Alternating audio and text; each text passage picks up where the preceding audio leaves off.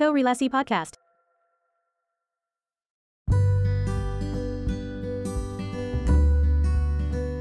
Halo, kita ketemu lagi di Korelasi, satu obrolan podcast yang ngobrolin arsitektur dalam kaitannya dengan berbagai aspek dalam kehidupan. Kali ini eh, episode korelasi spesial karena sudah mencapai episode ke-50. Di episode 50 kali ini kita nggak akan ditemani oleh teman ngobrol, tapi saya akan mencoba menjawab beberapa pertanyaan yang sudah masuk ke kami lewat Instagram uh, terkait beberapa aspek. Salah satunya adalah desain, arsitektur, perkuliahan, ataupun podcast itu sendiri. Obrolan kali ini akan tersaji dalam format monolog dan dalam format Q&A melalui pertanyaan-pertanyaan tadi. Obrolan ini akan terbagi menjadi tiga bagian. Jadi yang pertama kita akan mencoba menjawab pertanyaan-pertanyaan seputar podcast. Di bagian kedua nanti kita akan menjawab dan berdiskusi terkait pertanyaan-pertanyaan seputar uh, perkuliahan arsitektur. Dan yang terakhir kita akan mencoba membahas arsitekturnya itu sendiri dalam ranah uh, bisnis, dalam ranah desain, dalam ranah yang lain juga sama. Oke, kita masuk ke bagian yang pertama tentang podcast. Pertanyaan pertama, ide awal membuat podcast seperti apa? Oke, untuk yang satu ini sebetulnya um, podcast korelasi adalah satu obrolan yang saya coba inisiasi um, sejak masa pandemi. Jadi setelah pandemi kita menjadi terbiasa bekerja di rumah online, work from home. Nah, saat work from home tersebut, tentunya banyak sekali waktu-waktu yang uh, agak berbeda, waktu yang um, berubah dari pola offline ke pola online. Salah satunya ada waktu yang bisa dihemat adalah waktu untuk mobile, waktu untuk uh, kita berpindah tempat karena semuanya dikerjakan di satu tempat yang sama. Nah, karena ada penghematan waktu tersebut, ada beberapa uh, waktu yang bisa saya hemat Nah, kemudian uh, muncul beberapa podcast arsitektur serupa yang saya ingat salah satunya adalah E-Talks pada saat itu dari Mas Albertus Prawata, kemudian ada juga Hit by Anabata, saya coba dengarkan pada saat itu. Kemudian uh, yang terjadi adalah uh, menarik begitu ya. Saya bisa menikmati podcast-podcast tersebut saat saya bekerja juga. Jadi agak berbeda formatnya dengan YouTube atau video. Um, ini bisa dinikmati uh, seamlessly gitu ya. Kita sambil bekerja sambil mendengarkan obrolan tentang arsitektur yang menambah wawasan kita dan lain sebagainya. Dari situ sebenarnya saya tiba-tiba berpikir saya sebagai seorang dosen sebagai seorang arsitek juga punya sebuah circle yang cukup unik. Artinya saya kenal dengan beberapa mahasiswa dengan beberapa alumni yang saat ini mungkin sudah bekerja di tempat-tempat yang berbeda-beda masing-masing dari mereka punya kekhususan sendiri-sendiri, punya keahlian yang sangat beragam.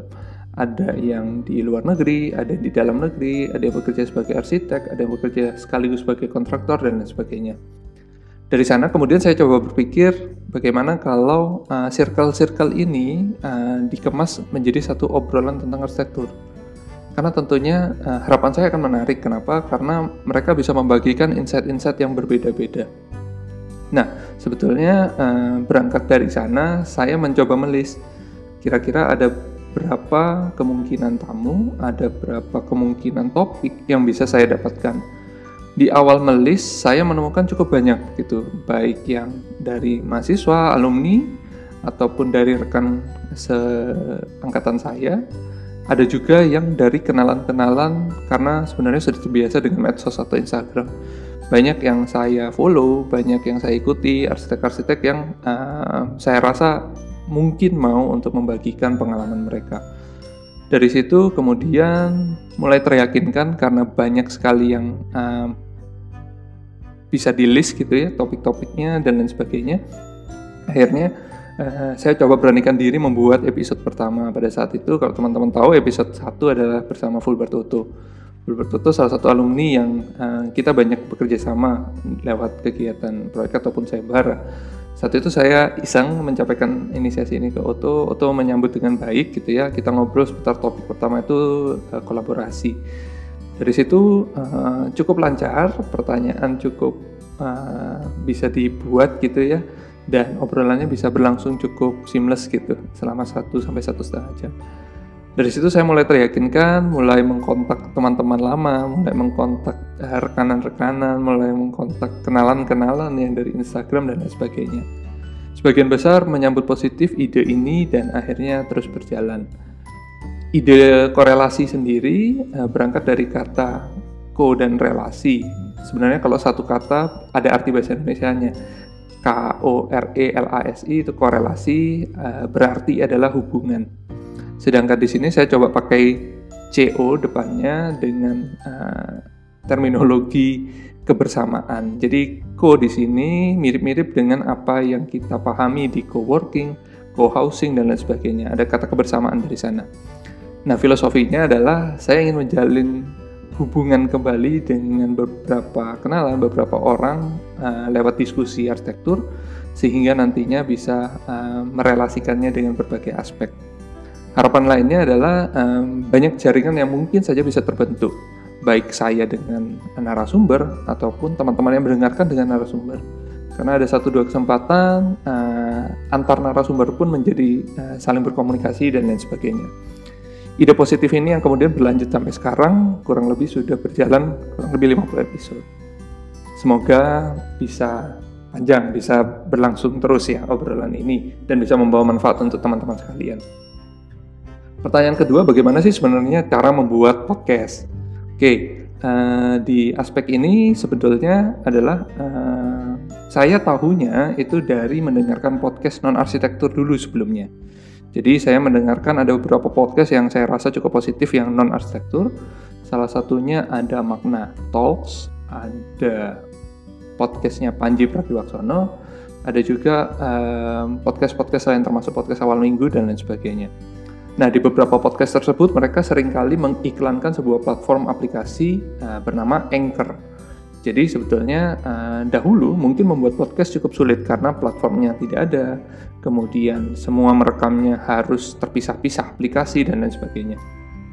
Di sini saya kemudian melihat uh, bagaimana sih sebenarnya kalau um, podcast tersebut bisa dibuat cukup sederhana. Saya mencoba mengulik apa yang disampaikan oleh uh, beberapa podcast sebelumnya tadi, coba pakai Anchor, coba pakai Anchor dan lain sebagainya. Saya coba download Anchor, ada aplikasi di HP, kalau di komputer atau laptop teman-teman bisa akses sebenarnya lewat uh, browser biasa, anchor.fm kalau nggak salah.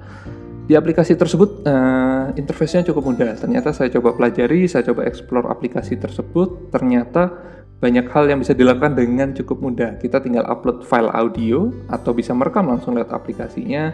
Kemudian uh, kita masukkan deskripsinya, kita berikan cover di sana dan uh, automatically Anchor ini tidak hanya untuk merekam ataupun me, apa ya istilahnya untuk me, memaketkan sebuah obrolan gitu ya, tapi juga mendistribusikannya yang cukup menarik adalah uh, lewat Anchor kita bisa langsung uh, automatically publish podcast kita ke beberapa platform untuk mendengarkan.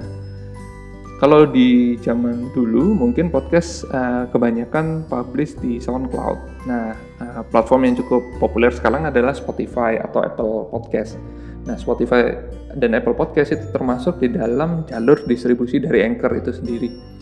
Jadi sebenarnya buat teman-teman yang tertarik membuat podcast bisa mencoba dulu download aplikasinya, kemudian dicoba dipelajari, kemudian iseng membuat podcast. Kemudahan untuk membuat podcast ini tercermin lewat uh, banyaknya podcast-podcast yang muncul di Spotify, baik itu tentang arsitektur ataupun tentang hal yang lain. Jadi kalau saya buka Spotify, saya lihat uh, di tab Explore ya, itu banyak sekali podcast-podcast yang muncul gitu. Nah sebenarnya uh, cukup mudah dan teman-teman sebenarnya bisa untuk membuat sendiri. Itu untuk uh, platformnya. Kemudian untuk narasumbernya, berangkat dari kenyataan yang sebelumnya kalau ternyata uh, di masa pandemi ini orang menjadi uh, lebih bersahabat dengan platform digital, uh, lebih bersahabat dengan Google Meeting, lebih bersahabat dengan Zoom call dan lain sebagainya. Nah, uh, kesempatan itu yang kemudian saya lihat uh, membuat podcast ini pun menjadi less effort, artinya kita tidak perlu bertemu fisik, bertatap muka begitu ya, kita hanya cukup bertatap maya uh, bertemu satu sama lain lewat platform digital dan kemudian audionya langsung saya rekam lewat audio terekam itu yang kemudian saya tinggal kemas di Anchor itu tadi. Nah, uh, sebagian besar dari uh, tamu-tamu yang saya undang untuk saya ajak ngobrol itu uh, cukup familiar dengan Google Meet ataupun Zoom Call. Merekamnya pun bisa ter tidak terbatas untuk Google Meet dan Zoom Call, apalagi Zoom-nya kita hanya berdua ya, saya dan narasumber sehingga rasanya sangat dimudahkan gitu.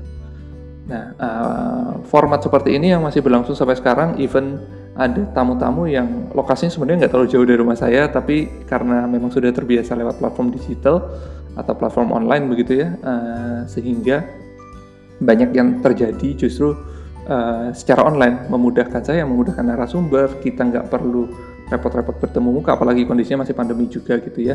Dan uh, sebenarnya mungkin somehow ada kenyamanan yang bisa didapat saat kita mengutarakan pendapat, berdiskusi dan lain sebagainya di tempat yang kita nyaman. Jadi sebenarnya narasumber ada di rumahnya sendiri, ada di kantornya sendiri, sehingga mereka tidak cukup uh, apa ya uh, sungkan untuk menyampaikan pendapatnya karena berada di ekosistem atau ruangan atau setting tempat yang uh, mereka nyaman sebetulnya. Beberapa narasumber uh, berkenan untuk menyalakan kamera, beberapa juga uh, tidak karena sebenarnya yang dibutuhkan hanya audio. Jadi sebenarnya sangat fleksibel.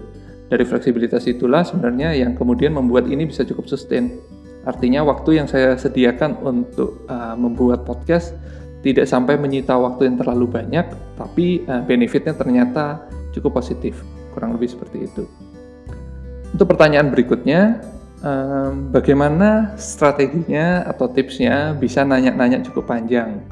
Oke, jadi sama-sama kita tahu kalau untuk korelasi sendiri durasi waktunya setiap obrolan itu kurang lebih atau setiap episode ya itu berkisar satu setengah sampai dua jam. Ada beberapa yang sangat asik kita ngobrolnya sampai hampir tiga jam. Itu bagaimana saya bisa membuatnya cukup uh, gitu ya, bisa cukup panjang. Nah, uh, ini mungkin behind the scene-nya ya. Jadi kalau di korelasi sendiri, saya coba itu langkah pertama sebelum saya kontak narasumber uh, adalah saya membuat dulu uh, cue card-nya lah istilahnya kalau kita MC gitu ya itu bikin cue card. Kalau di podcast ini saya coba bikin list pertanyaan. List pertanyaan ini pun saya coba uh, breakdown ke dalam uh, dua bagian sih sebenarnya. Jadi yang pertama cerita tentang pengalaman mereka berarsitektur dari awalnya ketertarikannya seperti apa dan lain sebagainya itu sebagai prolog. Kemudian uh, lebih berfokus ke topik karena saya sudah menentukan di korelasi ini satu episode adalah satu topik jadi sebetulnya adalah uh, pertanyaannya berputar seputar topik itu. Jadi saya coba list sekian pertanyaan kurang lebih setiap obrolan itu saya siapkan uh, 20-an pertanyaan. Untuk saya bisa apa ya punya guidance ngobrolnya itu mau ke arah mana. Istilahnya benang merahnya. Karena sebenarnya kalau ngobrol kita bisa ke mana-mana gitu ya, bisa obrolannya melebar ke mana-mana. Untuk menjaga supaya tetap berfokus pada topik, saya coba siapkan list pertanyaannya, kurang lebih 20 pertanyaan setiap narasumber. List pertanyaan ini juga beragam gitu ya, ada beberapa narasumber yang saya tawari, uh, karena sebenarnya formatnya ngobrol santai, uh, sebenarnya tidak perlu mempersiapkan banyak hal, tidak perlu mempersiapkan presentasi dan lain sebagainya ada beberapa narasumber yang uh, minta kira-kira pertanyaannya seperti apa. Kemudian saya berikan mereka oke, okay, kita take vokal gitu ya. Tapi ada juga yang uh, tidak meminta sehingga langsung aja jalan di hari H, kita langsung ngobrol dan lain sebagainya. Tipsnya untuk bisa obrolannya cukup panjang, saya bukan pro sebenarnya saya masih banyak belajar tapi kalau yang saya bisa bagikan adalah supaya bisa sustain atau bisa cukup panjang gitu obrolannya, bisa berkelanjutan gitu ya. Itu tipsnya adalah tidak dengan melihat list pertanyaan itu semata. Artinya apa? Artinya kalau kita berfokus pada list pertanyaannya, otomatis setelah pertanyaan pertama terjawab, kita langsung fokus ke pertanyaan kedua dan seterusnya. Uh, sehingga mungkin sampai pertanyaannya habis kita sudah kebingungan seperti apa. Nah, di podcast sebenarnya adalah uh, kalau yang saya pahami, podcast itu salah satunya adalah seni untuk mendengarkan. Jadi sebenarnya dari uh, mendengar jawaban narasumber, saya bisa develop pertanyaan lain secara live gitu ya. Pada saat mereka menjawab, saya langsung ketikkan pertanyaan berikutnya yang sekiranya relate dengan jawaban itu tadi. Jadi sebenarnya pertanyaan berikutnya akan uh, menjadi sebuah kembangan dari jawaban sebelumnya dengan cara seperti itu tentunya uh, jawabannya bisa terus-menerus bersambung gitu ya sampai kemudian kalau memang pertanyaannya sudah tidak bisa didevelop dari uh, jawaban sebelumnya gitu ya. Pertanyaannya nggak bisa di develop dari jawaban sebelumnya. Uh, ya mau nggak mau kita kembali ke cue card itu tadi karena sebenarnya kita sudah punya list pertanyaan. Kalau lebih seperti itu. Jadi sebenarnya list pertanyaan yang ada yang saya siapkan sebelumnya itu sebagai cadangan saja. Selebihnya saya berangkat dari uh, memikirkan pertanyaan secara live saat narasumber sedang menjawab. Itu kenapa? Biasanya di tampilan laptop saya itu saya bagi dua windownya. Setengah itu platform online-nya Google Meet atau Zoom. Setengahnya itu uh, catatan saya buram saya. Jadi begitu narasumber menjawab saya langsung ketik pertanyaan selanjutnya dari hasil jawaban yang disampaikan narasumber. Tips kedua untuk bisa ngobrol cukup panjang atau bisa menggali pertanyaan dari uh, jawaban sebelumnya adalah juga sama mendengarkan banyak podcast. Baik itu podcast arsitektur ataupun tidak Akhir-akhir ini saat bekerja biasanya dulu saya mendengarkan musik, tapi belakangan banyak sambil mendengarkan podcast. Kenapa? Karena uh, menambah wawasan aja gitu. Jadi baik arsitektur maupun non arsitektur ternyata bisa membuka pola pikir saya, bisa membuka wawasan saya yang sebelumnya saya, saya terpikir, oh iya harus seperti ini, harus seperti ini. Ternyata ada uh, insight-insight lain yang membuka mata saya. Nah dari sana sebenarnya uh, kita menjadi terbiasa untuk mendengarkan Eh, pertanyaan-pertanyaan uh, yang yang lazim disampaikan pada platform podcast. Dari sana saya coba kembangkan uh, apa yang ingin saya tanyakan. Sebenarnya itu dua tips utama bagaimana sebuah podcast bisa cukup panjang obrolannya jadi tidak terlalu singkat dan lain sebagainya. Untuk podcast sendiri sebenarnya beragam ya, uh, bisa ada yang formatnya obrolan panjang, ada yang hanya beberapa puluh menit, ada yang beberapa belas menit dan lain sebagainya. Tidak ada yang apa ya tidak ada satu standar yang mengatur podcast harus seperti ini harus seperti ini dan lain sebagainya. Yang saya coba kemas adalah bagaimana podcast ini kalau format yang dikorelasi adalah obrolan yang cukup panjang memang karena topiknya cukup spesifik narasumbernya juga menceritakan pengalaman mereka jadi sebenarnya kalau pendek nggak terlalu bisa. Agak berbeda sama uh, podcast-podcast yang uh, formatnya audio pendek ya. Jadi ada beberapa yang saya juga coba dengarkan kayak Raditya Dika beliau membahas beberapa topik uh, ke dalam episode-episode uh, juga sama gitu ya. Tapi dia tidak ada narasumber kebanyakan memang uh, mengutarakan pemikirannya sendiri atau monolog istilahnya. Nah kalau monolog seperti itu sebenarnya tentu nggak butuh perkenalan lagi, nggak butuh cerita perjalanan lagi dan lain sebagainya. Mungkin uh, waktunya bisa menjadi pendek. Sedangkan di sini uh, memang waktunya berkisar satu setengah sampai dua jam karena memang uh, yang saya coba lakukan selama kurang lebih 50 episode ini berlangsung seperti itu. Narasumber menceritakan dulu, kemudian narasumber uh, berdiskusi dengan saya terkait topik tertentu dan itu berkembang terus sampai kurang lebih durasi waktu yang saya sebutkan tadi. Kurang lebih seperti itu. Lanjut ke pertanyaan berikutnya, uh, benefit apa yang didapat dari podcast? Adakah monetisasinya? Oke, okay.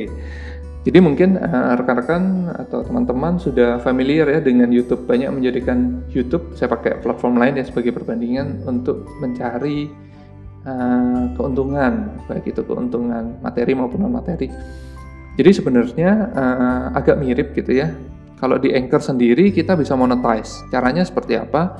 Monetize di uh, korelasi ataupun di platform podcast gitu ya. Kalau korelasi sebenarnya uh, sampai saat ini tidak ada benefit materi. Jadi benefit yang saya coba dapatkan adalah benefit wawasan atau benefit non materi.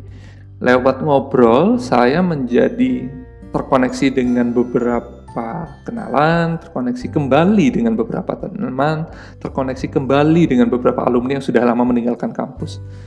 Jaringan atau networking inilah yang uh, menjadi benefit saya pribadi. Benefit kedua yang saya dapatkan adalah wawasan itu tadi. Lewat obrolan, saya bisa mendapatkan banyak sekali pengetahuan tanpa perlu saya belajar lagi gitu istilahnya.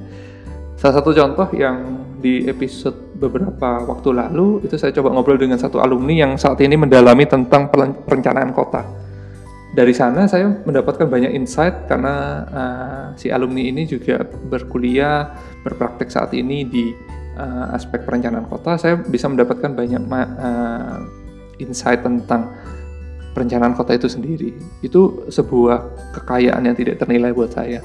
Karena sebenarnya benefit terkait wawasan itu yang bisa memperkaya uh, pendengar tentunya dan saya pribadi lewat obrolan tersebut uh, benefit wawasan itu sebenarnya yang saya kejar plus uh, benefit tentang jejaring. Jadi menambah teman menambah uh, networking dan lain sebagainya. Cerita tentang monetisasi bisa nggak sih dimonetisasi yang sebenarnya tidak saya lakukan sampai detik ini? Karena memang saya menghargai juga si narasumber yang sudah berbagi. Kalau itu dikomersialkan kan keuntungannya buat saya pribadi itu jadi nggak enak gitu ya. Tapi sebenarnya di Anchor di platform yang tadi saya ceritakan itu ada format untuk kita mendapatkan keuntungan materi.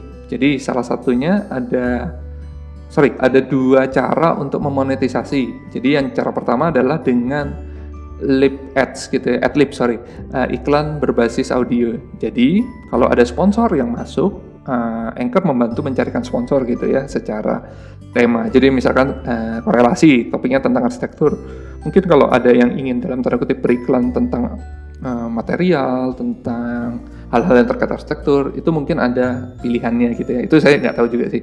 Cuman uh, di awal-awal itu ditawarkan untuk adlibsnya dari Anchor sendiri.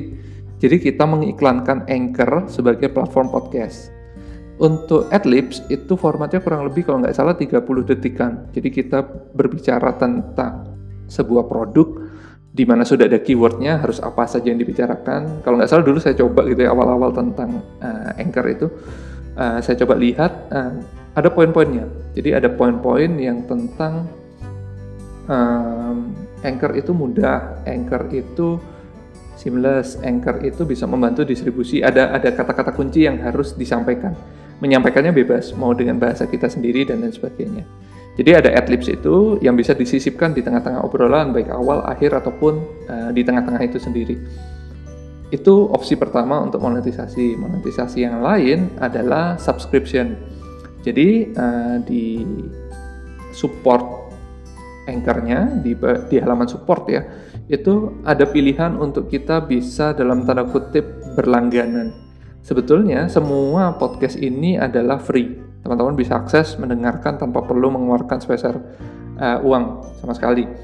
Tapi ada opsi untuk bisa berkontribusi. Jadi contoh uh, kita mensubscribe sebuah channel dengan opsi berbayar yang kita bisa tentukan sendiri.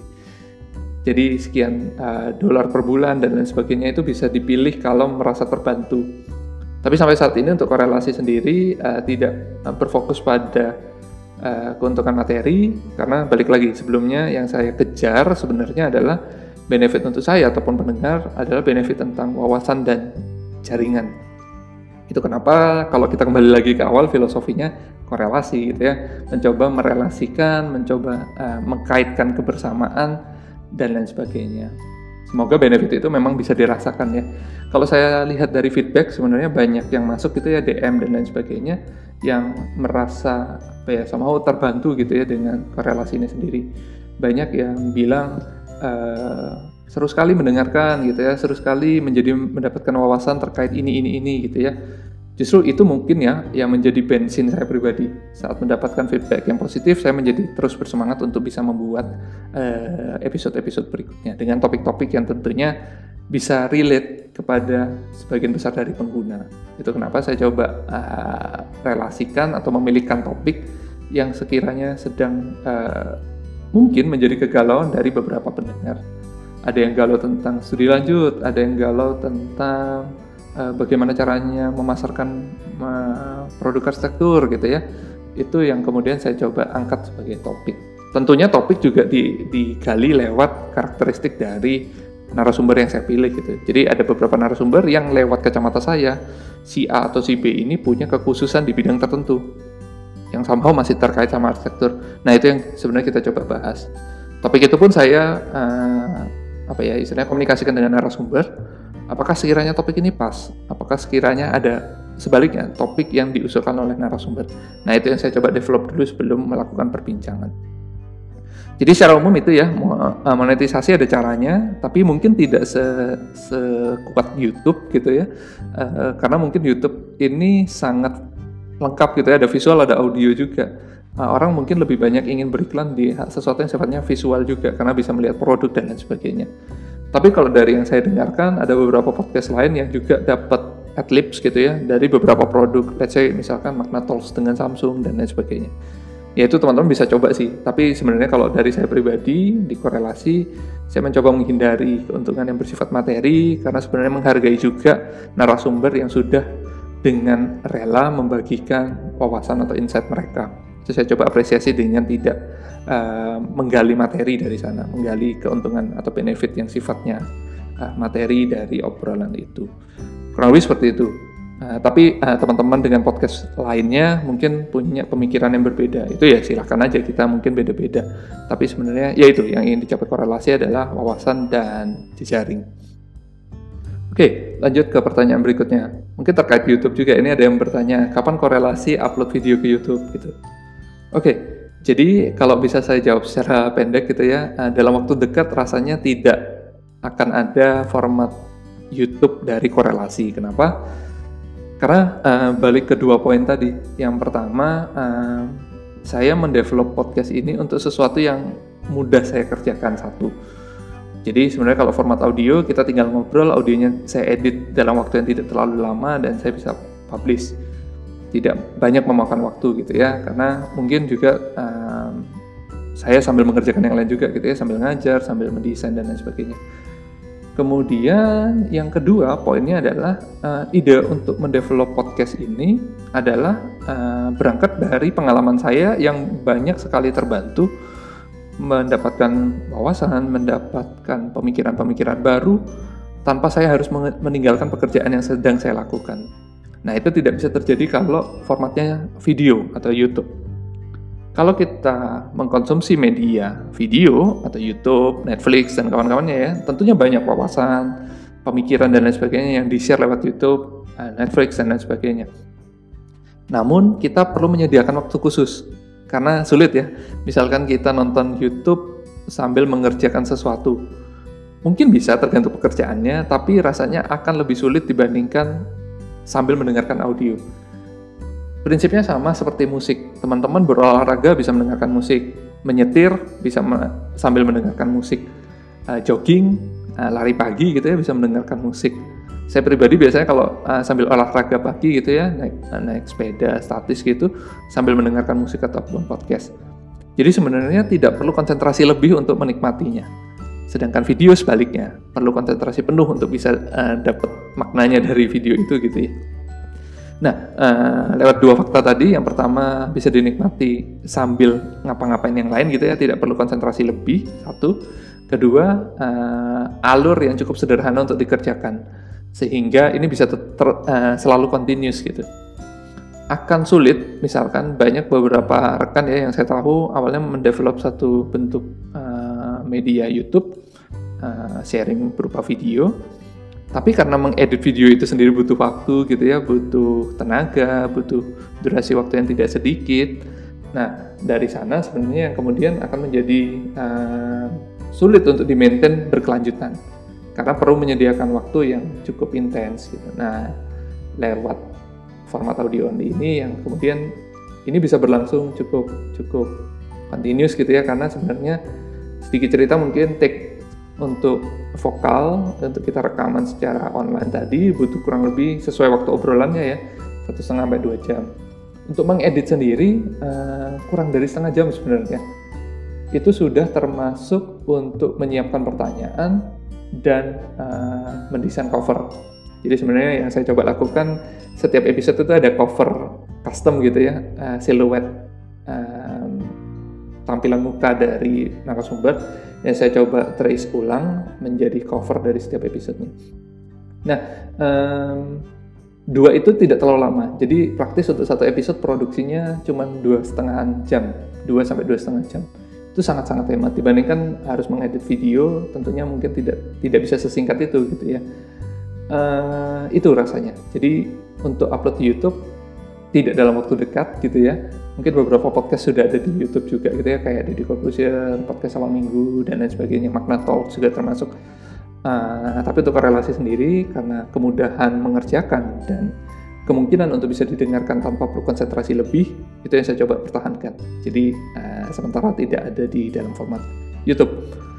Oke, okay, uh, kemudian pertanyaan selanjutnya masih terkait podcast ya. Narasumber podcast mana yang paling berkesan dan kenapa? Oke, okay, ini rasanya uh, secara umum semuanya berkesan gitu ya karena semuanya um, membuat saya mendapatkan banyak sekali insight baru. Itu yang saya bisa apresiasi dari kurang lebih 49 sampai 50 narasumber yang sudah saya ajak ngobrol sampai detik ini. Semuanya uh, sangat insightful gitu ya sangat uh, bisa memberikan saya wawasan-wawasan baru. Tapi mungkin ada beberapa narasumber yang memberikan impresi yang lebih gitu ya. Jadi sebenarnya uh, beberapa mungkin jawabannya nggak bisa satu ya, nggak bisa yang si A karena ini gitu. Ada beberapa kategori mungkin. Jadi yang pertama yang membuat saya berkesan itu di awal-awal episode ya. Saya coba urutkan dari awal. Ya tentunya yang pertama uh, dari narasumber episode 1 itu ada full bertutur. Kenapa? Karena uh, dia yang cukup teryakinkan untuk membuat pilot episode pertama gitu ya. Kalau yang narasumber-narasumber berikutnya cenderung lebih mudah karena saya tinggal menunjukkan saja. Saya sudah buat sekian episode ini contohnya uh, berkenan nggak untuk ngobrol gitu. Ya. Sudah ada contohnya. Sedangkan teman-teman di episode awal termasuk Yohanes, Jimmy, ada Greg juga itu uh, teman-teman yang saya ajak ngobrol tanpa ada contoh sebelumnya. Jadi apresiasi untuk mereka karena bersedia untuk menjadi narasumber-narasumber pertama. Narasumber-narasumber yang cukup insightful berikutnya ada beberapa mentor saya gitu ya, secara langsung ataupun tidak langsung yang saya jadikan jujukan baik dalam mengajar ataupun dalam berpraktek. Salah satunya ada Mas Devri dari ITS dan Ordes Arsitektur. Itu insightnya tentang pendidikan arsitektur luar biasa. Saya mendapatkan banyak pencerahan dari sana gitu ya Uh, kemudian ada juga dari Buruli, rekan saya di Petra, serta Pak Roni rasanya ya, yang dari Petra yang sudah berhasil saya ajak ngobrol, Bu Angel juga sama. Jadi rekan-rekan yang sebenarnya mungkin kita ketemu setiap hari gitu ya, baik, eh mungkin sebelum pandemi ya, kita ketemu setiap hari di, di kampus. Tapi ternyata saat deep talks gitu ya, saat ngobrol secara mendalam, uh, mereka punya insight-insight yang sebenarnya nggak pernah saya dapat kalau ngobrolnya casual biasa, uh, seperti ketemu di kampus. Nah, itu yang membuat uh, menjadi apa ya, berkesan gitu ya. Kemudian ada juga dari mentor saya, contoh uh, Pak Erwin itu sejak saya kuliah itu sudah menjadi tutor saya, tutor saya di beberapa bentuk pekerjaan juga. Uh, ternyata setelah saya ajak ngobrol secara mendalam, banyak sekali insight-insight yang bisa beliau bagikan pada saya. Kemudian uh, yang nggak disangka juga ini uh, ada beberapa tamu yang mungkin bertemu fisiknya itu terbatas gitu ya, cuma satu dua kali atau bahkan belum pernah gitu. Tapi cukup lama uh, tahu dan dan terkutip kenal gitu ya lewat platform Instagram atau sosmed. Ada beberapa seperti uh, Mas Brian Anabata itu saya surprise sekali beliau mau gitu ya karena uh, ini salah satu panutan saya membuat podcast gitu ya karena podcastnya Mas Brian yang hit itu saya menjadi terpacu untuk membuat podcast. Uh, beliau berkenan membagikan insightnya cukup positif Kemudian ada beberapa seperti Mas Mande gitu ya, uh, yang beliau sangat kental dengan Instagramnya. Ternyata banyak sekali wawasan yang bisa dibagikan bagaimana menggunakan Instagram sebagai bagian dari marketing dan lain sebagainya. Kemudian ada juga yang beberapa obrolan cukup panjang, salah satunya dengan Randy Supratman itu yang nggak nggak disangka saya ngobrol sampai dua setengah jam lebih kalau nggak salah, hampir tiga jam ya kalau nggak salah. Itu karena saking serunya ngobrol cerita pengalaman beliau kuliah di Eropa, uh, di Italia ya. Itu seolah uh, saat ngobrol berasa sedang ke Italia juga gitu. Itu cukup seru. Kemudian ada juga beberapa yang lain mungkin uh, secara umum berkesan semua ya seperti yang saya sampaikan tadi tapi ada beberapa yang khusus mungkin. Ada dari um, Sari Indra juga ya di beberapa episode belakang kalau nggak salah episode 43 ini ketemu cuma beberapa kali di beberapa kegiatan kompetisi kalau nggak salah. Beliau menjadi juri uh, satu dua kali gitu sempat ketemu uh, tapi belum pernah ngobrol secara intens juga karena beliau cukup ini ya cukup aktif di Instagram. Saya coba iseng tuh nawarin uh, Mas berkenan nggak untuk ngobrol untuk podcast? Terus kemudian mendapat sambutan dari beliau oh ya ngobrol kayak gimana tuh? Saya coba ceritakan oh ya ngobrol lewat zoom. Kemudian saya coba rekam dan lain sebagainya ternyata beliau berkenan surprise buat saya gitu ya arsitek besar uh, yang kemudian uh, rela berbagi di platform yang mungkin masih kecil seperti korelasi. Uh, tapi ternyata banyak sekali insight yang saya dapat dari beliau. Memang uh, contoh untuk Mas Ari Indra sendiri uh, cukup ini ya cukup banyak di beberapa platform lain gitu. Di webinar di kuliah umum di beberapa video YouTube bahkan. Itu udah banyak share dari beliau tapi ternyata saat ngobrol sendiri banyak hal-hal yang bisa saya ulik secara pribadi. Nah itu juga uh, cukup berkesan buat saya. Selebihnya uh, secara umum banyak teman teman-teman lama yang kemudian saya kontak kembali. Ada juga beberapa narasumber yang sebenarnya ngobrol itu sekelibat lalu gitu ya secara casual saja ternyata bersedia untuk deep talks membagikan wawasan dan insight mereka. Um, itu yang saya bisa apresiasi sih. Jadi kalau secara umum nggak bisa saya sebutkan satu-satu karena pasti akan sangat panjang ya. Semuanya memberikan kesan, semuanya memberikan wawasan baru untuk saya. Saya berterima kasih untuk itu dan semoga ke depannya semakin banyak lagi narasumber yang berkenan. Termasuk satu yang terakhir sebelum episode ini ya episode 49 itu ada Mas Kipo yang mungkin menariknya adalah uh, kita udah coba janjian terus mundur beberapa kali karena kesibukan masing-masing gitu ya tapi beliau menyempatkan waktunya benar-benar kalau nggak salah take-nya itu malam hari gitu ya. Uh, seharusnya waktunya beliau istirahat gitu tapi justru menyempatkan diri untuk berbagi. Itu yang saya uh, saya bisa apresiasi. Sangat sangat baik gitu ya. Uh, sangat berterima kasih terhadap narasumber-narasumber yang rela membagikan waktu dan insight-nya wawasannya uh, untuk bisa dikonsumsi ataupun bisa didengarkan oleh teman-teman yang lain kurang lebih itu Kemudian pertanyaan selanjutnya banyak ya ini yang request gitu ya. Ada yang request, ini saya coba bacakan yang sudah masuk. Ada yang request Ferdi dari AI Architect. Akan saya coba kontak gitu ya. Uh, menarik gitu ya kalau saya melihat Aya Architect itu uh, banyak hal yang bisa saya belajar dari publikasi-publikasi desainnya Aya juga gitu ya. Uh, bagaimana mendesain sebuah hunian, bisa unik bentuknya, tapi somehow layoutnya juga enak. uh, layoutnya juga bagus gitu ya di lahan-lahan kecil, lahan-lahan uh, terbatas. Ya nanti saya coba kontak gitu ya, kalau berkenan ya semoga bisa muncul episode obrolan dengan Ferdi dari AI Architect. Ada juga request uh, untuk narasumber Antonis Richard Rusli dari Radar Architect ini juga salah satu guru saya ya walaupun mungkin secara usia beliau junior di bawah saya gitu ya. Tapi uh, karyanya pemikirannya itu uh, rasanya sangat uh, menarik kalau bisa dibagikan gitu ya. Uh, beberapa kali kesempatan sudah berhasil diundang ke kampus sebagai narasumber kuliah tamu. Saya coba dengarkan juga beberapa obrolan yang melibatkan beliau. Rasanya luar biasa sekali ya. Kalau nggak salah pada saat itu saya juga dengar yang bincang-bincangnya Antonius Richard sama Mbak Emelda Akmal di Instagram Live itu jujur banyak sekali uh, pemikiran saya yang terbuka lewat uh, obrolan itu. Sudah saya coba kontak untuk Antonius Richard, semoga uh, ada waktu ke depannya untuk kita bisa take uh, obrolan bareng gitu ya, untuk bisa kita bagikan ke pendengar juga. Ada juga yang request Revano Satria dari RSI Group ya, dari MSSM Associates Uh, untuk Revano sendiri, saya juga sudah coba kontak, saya sudah siapkan pertanyaannya bahkan, uh, tapi rasanya mencoba mencari waktu ya, karena kesibukan beliau yang luar biasa. Tapi yang menarik kalau dari Revano ini sendiri, kenapa saya juga sudah siapkan untuk menawarkan beliau gitu ya, karena yang menarik buat saya, uh, tidak banyak arsitek yang uh, bisa punya kesempatan berpartner dengan kolega-kolega dari luar negeri. Sehingga khusus untuk Revano sendiri sebenarnya saya siapkan adalah topik tentang internationality gitu ya, bagaimana kita bisa berkolaborasi dengan rekan-rekan di luar negeri. Padahal kan culture-nya beda, pemikirannya beda, tapi bisa sangat padu gitu. Termasuk pengalaman-pengalaman beliau berkuliah di luar negeri ya, di A School kalau nggak salah. Itu itu rasanya menarik untuk kita ulik bersama.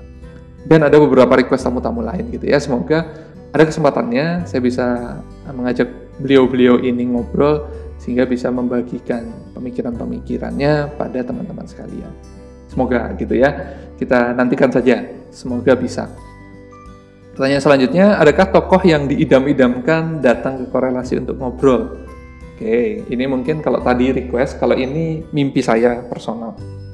Kalau mimpi rasanya banyak gitu ya. Uh, beberapa arsitek yang saya sudah coba list sebenarnya cukup banyak um, yang sudah saya kontak tinggal janjian waktu juga cukup banyak tapi kalau rasanya yang bisa saya mimpikan mimpi ini artinya kayak kayaknya nggak mungkin deh tapi kayak kayaknya juga mungkin itu ada satu sosok sebenarnya yang saya mimpikan hadir ke dalam obrolan ini saya juga agak grogi juga sebenarnya kalau beliau berkenan gitu ya tapi rasanya masih agak sulit karena kesibukan beliau. Tokoh yang saya maksud adalah Pak Ridwan Kamil atau Pak Emil. Kenapa? Mungkin cerita sedikit kenapa ini menjadi tokoh idaman saya untuk saya bisa ajak ngobrol gitu ya. Uh, kenapa Pak Emil? Karena sebenarnya uh, saya tahu Pak Emil itu awalnya saat di Surabaya pada saat itu di kota saya sedang dibangun sebuah apa ya toko buku slash uh, gedung serbaguna yang namanya Gramedia Expo. Sekarang namanya Diandra Expo. Uh, saat konstruksi itu kelihatan ya bentuknya udah main-main gitu ya, bentuknya udah unik. Ternyata usut punya usut, arsiteknya adalah Ridwan Kamil. Uh, kemudian dapat kesempatan Ridwan Kamil itu datang ke Petra pada saat itu saya sedang berkuliah juga. Beliau membagikan share-nya, share yang saya ingat sekali pada saat itu bagaimana caranya bisa dalam tanda kutip ya menjual kreativitas kita dengan cara yang kreatif juga. Uh, saat itu beliau bercerita tentang si Gramedia Expo itu sendiri, kemudian uh, bercerita bagaimana meyakinkan uh, si pemilik toko buku ini untuk bisa punya bangunan yang bentuknya mungkin uh, belum biasa di masyarakat. Yang beliau lakukan adalah dengan uh, mempersuasi gitu ya uh, masa sih nggak pengen punya toko yang tampilnya unik? Kan nanti bisa menjadi penanda kemudian bisa menjadi hal yang menarik perhatian pengunjung atau bisa datang ke toko dan lain sebagainya. Dia bercerita dengan dengan humornya beliau juga gitu ya uh, ya saya tipu aja gitu uh, ya tipu dalam arti yang tidak sebenarnya gitu ya artinya di di di influence untuk bisa uh, oke okay dengan pemikirannya dari cara beliau berkomunikasi ini yang saya sangat banyak sekali belajar.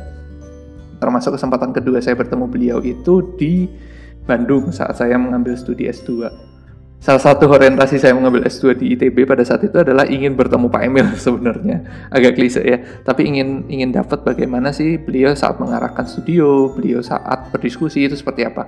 Salah satu platform yang bisa saya manfaatkan sebenarnya adalah studi lanjut itu sebenarnya salah satu alasan di luar alasan lain ya mengembangkan keilmuan dan lain sebagainya itu juga tetap ada tapi ingin berdiskusi sama Pak Emil sebenarnya dari perkuliahan itu saya dapat banyak insight luar biasa terkait urban karena memang kepakaran beliau di urban design ya urban design urban planning um, banyak sekali kenyataan-kenyataan yang uh, membuka mata saya bagaimana kalau urban planning atau urban design yang baik itu adalah yang mengedepankan manusia yang mengisolasi pergerakan kendaraan sehingga tidak bertemu dengan manusia. Yang memanusiakan manusia banyak ruang terbuka yang bisa dimanfaatkan untuk kegiatan publik dan lain sebagainya. Hal-hal itu rasanya yang tercermin lewat di Andra Expo, Gramedia Expo gitu ya, di area depan. Dibuka pagarnya, walaupun sekitarnya masih berpagar, cukup berani Gramedia Expo membuka pagar, menyumbangkan area sempadannya untuk uh, kegiatan um, apa ya publik, taman, plaza dan lain sebagainya itu uh, lewat kegiatan di perkuliahan pun uh, beliau memberikan mindset yang luar biasa walaupun pada saat itu memang beliau sedang berproses juga untuk menjadi wali kota gitu ya. Uh, jadi nggak lama dari dua tahun perkuliahan cuman satu tahun rasanya yang saya bertemu beliau di studio. Selebihnya sudah menjadi wali kota. Tapi lewat pertemuan yang singkat itu banyak sekali wawasan insight yang luar biasa dari beliau. Termasuk saat beliau sudah menjadi wali kota ataupun gubernur saya cukup ikuti juga di Instagram beliau bagaimana seorang pemimpin bisa membalik apa ya istilahnya membalik uh, kesan yang seharusnya masyarakat berikan pada pemimpin gitu ya. Pemimpin yang seharusnya berwibawa yang kaku yang yang dan lain sebagainya gitu ya yang yang menyeramkan dan lain sebagainya yang harus dihormati dan kawan-kawan. Tapi sebenarnya dibalik gitu ya. Kalau kita lihat sebenarnya yang cukup lucu kalau beliau balas-balas komen di Instagram itu dibalas dengan humor gitu ya, dibalas dengan lelucon dan lain sebagainya yang membuat masyarakat mendapat pemahaman tapi somehow disampaikan dengan cara yang nyantai gitu. Nah, sebenarnya saya pengen ngobrol banyak dengan beliau terkait uh, konsentrasi beliau di pemerintahan, bagaimana kemudian pemahaman beliau ilmu-ilmu tentang arsitekturnya itu membantu dalam menyusun dan uh, memimpin sebuah kota bahkan provinsi sekarang ya.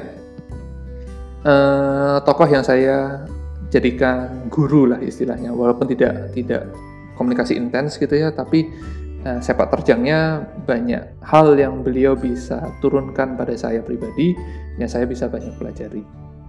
Uh, kenapa saya bilang agak nggak mungkin ya karena beliau uh, sudah jadi pemimpin gitu ya rasanya agak susah untuk bisa dapat waktunya sudah sangat sibuk dan lain sebagainya. Tapi uh, itu yang menjadi impian saya uh, bisa berkomunikasi salah satunya dengan Pak Ridwan Kamil. Tokoh-tokoh lainnya uh, yang saya sudah coba uh, kontak dan mungkin uh, bisa muncul di beberapa episode ke depan itu ada Mas Yusing juga ada Bu Stefani Larasati dari Atlas dan lain sebagainya. Semoga ke depannya juga semakin banyak arsitek-arsitek yang uh, bisa membagikan insightnya lewat berbagai platform ya, nggak cuma korelasi, sehingga uh, insight-insight yang rasanya nggak bisa didapat hanya dengan melihat bangunan saja, melihat portfolio saja, melihat foto video saja, tapi kadang-kadang lewat platform audio ini banyak hal yang bisa ditumpahkan, banyak hal yang bisa dibagikan, yang mungkin lebih mendalam dibandingkan membagikan portfolio semata. Itu rasanya yang saya coba uh, develop ke depannya gitu ya tamu-tamu yang uh, saya sudah coba kontak dan rasanya semoga bisa memberikan uh, benefit juga buat teman-teman yang mendengarkan nantinya. Oke, okay, uh, itu tadi bagian satu tentang podcast. Kita lanjut ke bagian dua tentang perkuliahan arsitektur. Ada beberapa pertanyaan yang masuk yang saya kategorikan ya rasanya ini masuk deh ke ke hal-hal seputar perkuliahan. Pertanyaan pertama, uh, Pak memilih S2 atau kerja atau sebaliknya kerja dulu baru S2. Bagaimana sih sebenarnya perkuliahan di S2 itu? Oke. Okay. Uh, eh, rasanya ini juga sempat saya bahas sama Bu Ruli di episode-episode awal, uh, bahas juga sama Mas Devri kalau nggak salah di episode-episode awal.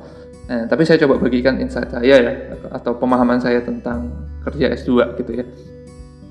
Kalau saya pribadi uh, mencoba menjawabnya seperti ini.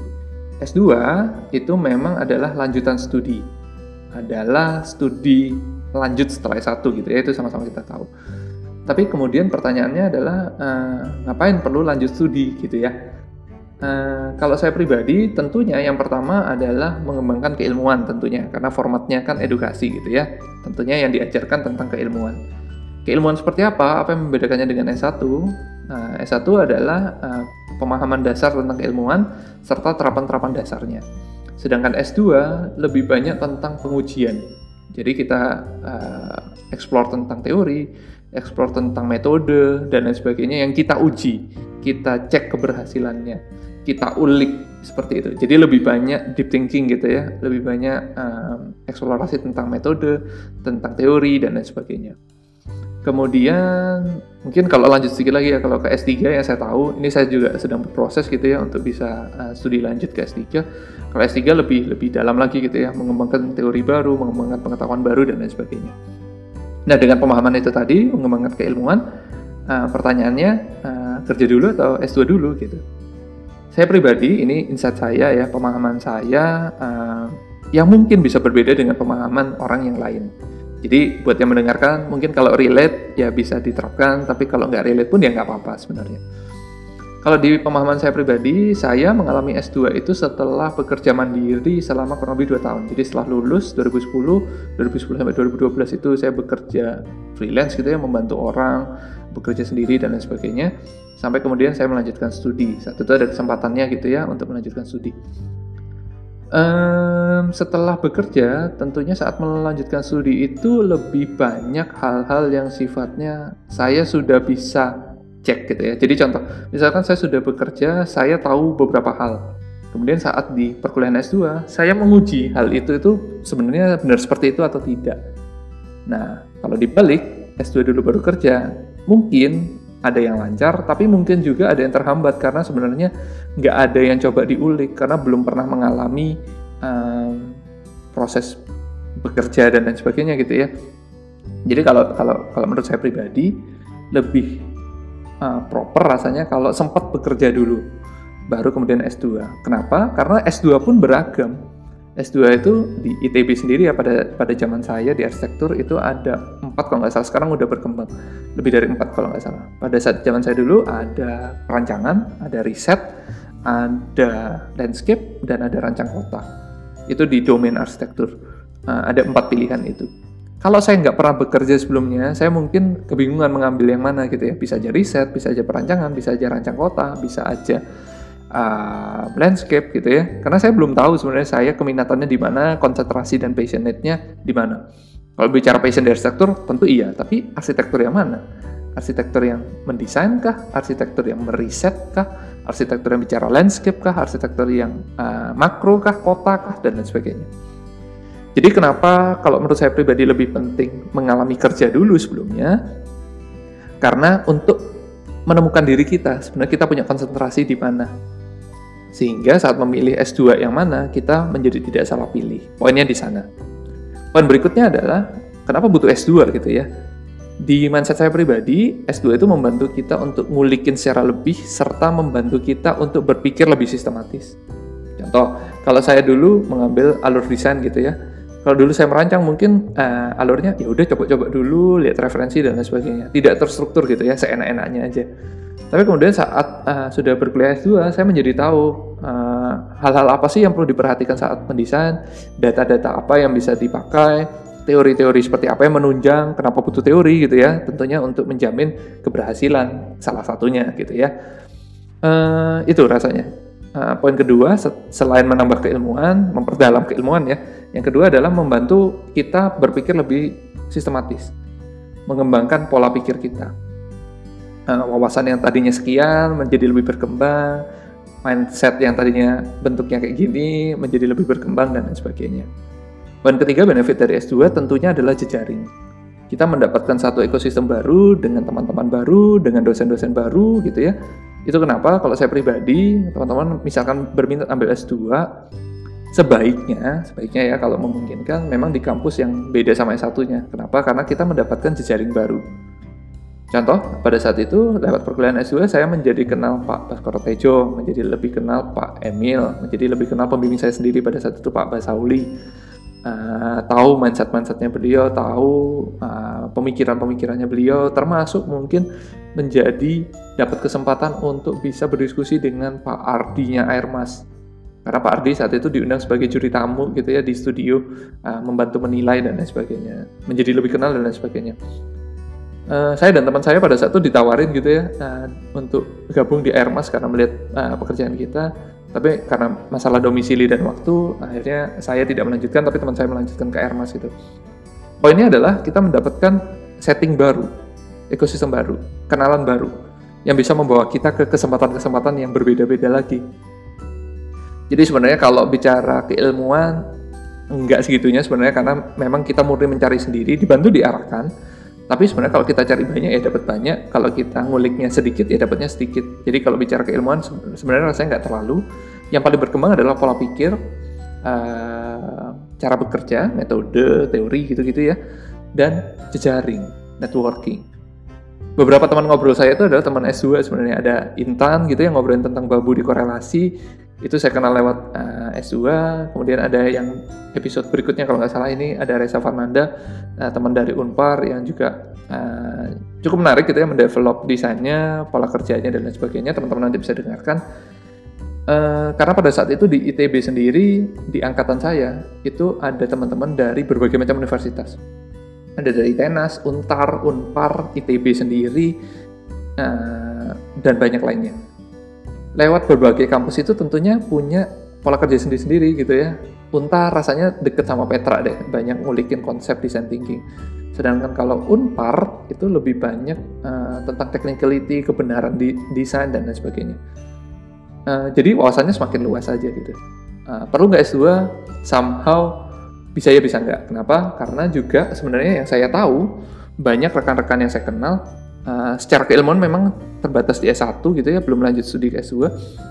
Tapi uh, pengalamannya luar biasa. Pengalamannya mungkin kalau boleh disetarakan udah hampir S3 mungkin ya. Pengalaman-pengalamannya luar biasa. Jadi sebenarnya poinnya adalah selalu belajar. Mau itu platformnya S2, mau itu lewat pekerjaan, itu sama aja sebenarnya kita juga bisa terdevelop kok kalau bekerjanya itu eksploratif gitu ya. Bekerjanya juga uh, mencoba mencari kemungkinan baru dan lain sebagainya. Salah satu yang saya kenal itu ada Pak Erwin. Itu beliau masih satu saat ini tapi uh, luar biasa ilmunya lebih dari S2 rasanya.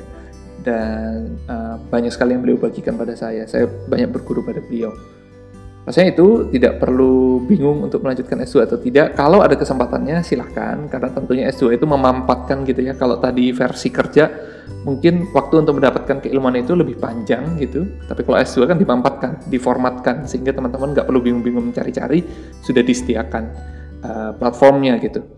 Jadi sebenarnya sama aja. Kalau ada kesempatan silahkan melanjutkan S2 dengan mindset tadi ya, tidak hanya sekedar mencari ilmu atau gelar saja, tapi yang terpenting mencari wawasan, mencari kenalan-kenalan baru, jejaring-jejaring baru, rasanya itu lebih bermanfaat dibandingkan perkuliahannya itu sendiri.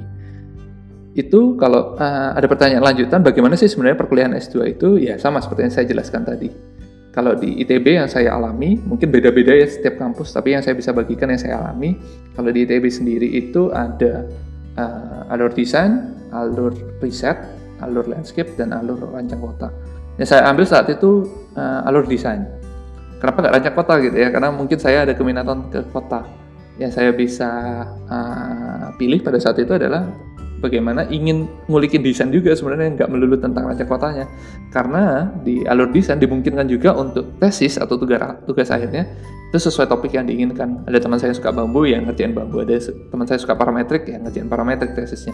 Saat itu saya tesisnya tentang ruang kota juga. Sebenarnya jadi sama-sama aja gitu Uh, pembedaannya apa gitu ya kalau alur desain sama S1 kan ngedesain ngedesain juga gitu beberapa kali kesempatan rasanya sempat saya sampaikan Bedanya kalau S1 arsitektur sama S2 alur desain, uh, ini dosen saya yang kasih pemahaman dan saya cenderung sepakat sih sebenarnya sama pemahaman ini. Kalau S2 itu goalnya bukan desainnya. Kalau S1 kan kita berfokus pada desain sebagai goal. Kalau S2 sebenarnya ada studi di balik desain itu. Jadi sebenarnya yang saya lakukan yang pada saat saya berkuliah adalah studi teori. Jadi teorinya saya coba uji apakah teori ini relevan dengan sebuah setting gitu ya. Desain yang saya hasilkan adalah simulasi dari studi studi utamanya. Jadi yang diutamakan itu adalah studinya, bukan objek desainnya. Objek desain yang membantu mensimulasikan studinya. Sedangkan S1, studi-studi kecil-kecil itu mendukung untuk mencapai goal besar yang berupa desain. Bedanya di situ. Jadi sebenarnya masih ada studio, masih mirip gitu ya. Sama dengan S1 kurang lebih, cuman S2 ini lebih berfokus pada studi utamanya desain sebagai simulasi. Poinnya di sana. Pertanyaan selanjutnya, sepenting apa sih S2? Lebih penting mana IAI atau S2? Nih, mungkin nah, saya coba jawab lewat pemahaman saya ya. Agak berbeda sih sebenarnya kalau uh, analoginya kayak orang bisa nyetir gitu ya. S2 ini um, menajamkan kita tentang teknik menyetir gitu ya. Oh nyetir parkirnya bisa kayak gini, kalau parkir paralel harus seperti ini, belok sekian derajat dan lain sebagainya. Kalau mau nyalip kayak gini uh, dan lain sebagainya. Kalau IAI sendiri atau SKA ya atau STRA itu lebih kayak SIM. Jadi kita divalidasi kalau kita layak untuk berpraktik.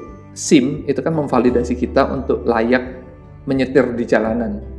Menjamin kita sudah punya pemahaman yang baik sehingga tidak tidak beresiko menyebabkan kecelakaan karena nggak tahu aturan dan lain sebagainya. Sama sebenarnya, kita ber-SKA, ber-STRA untuk arsitek adalah surat izin atau SIP untuk kita bisa berpraktek arsitektur.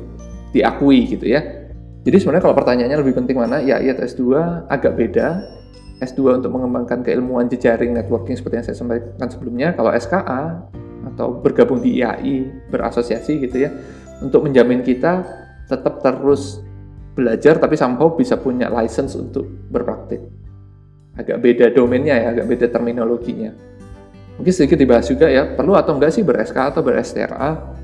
Uh, toh sebenarnya faktanya sekarang berpraktik bisa aja tanpa SK STRA gitu ya. Mungkin analoginya kayak nyetir gitu ya.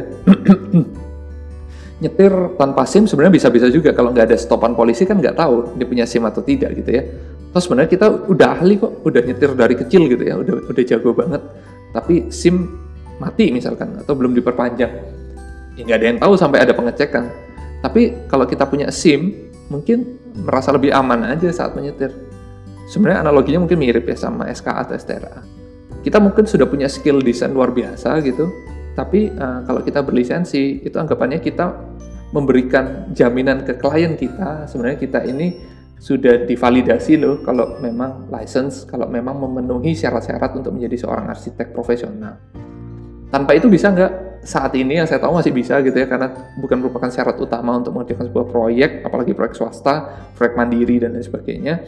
Tapi di beberapa proyek pemerintah, SIM atau STRA, SKA, arsitek ini sudah menjadi syarat wajib.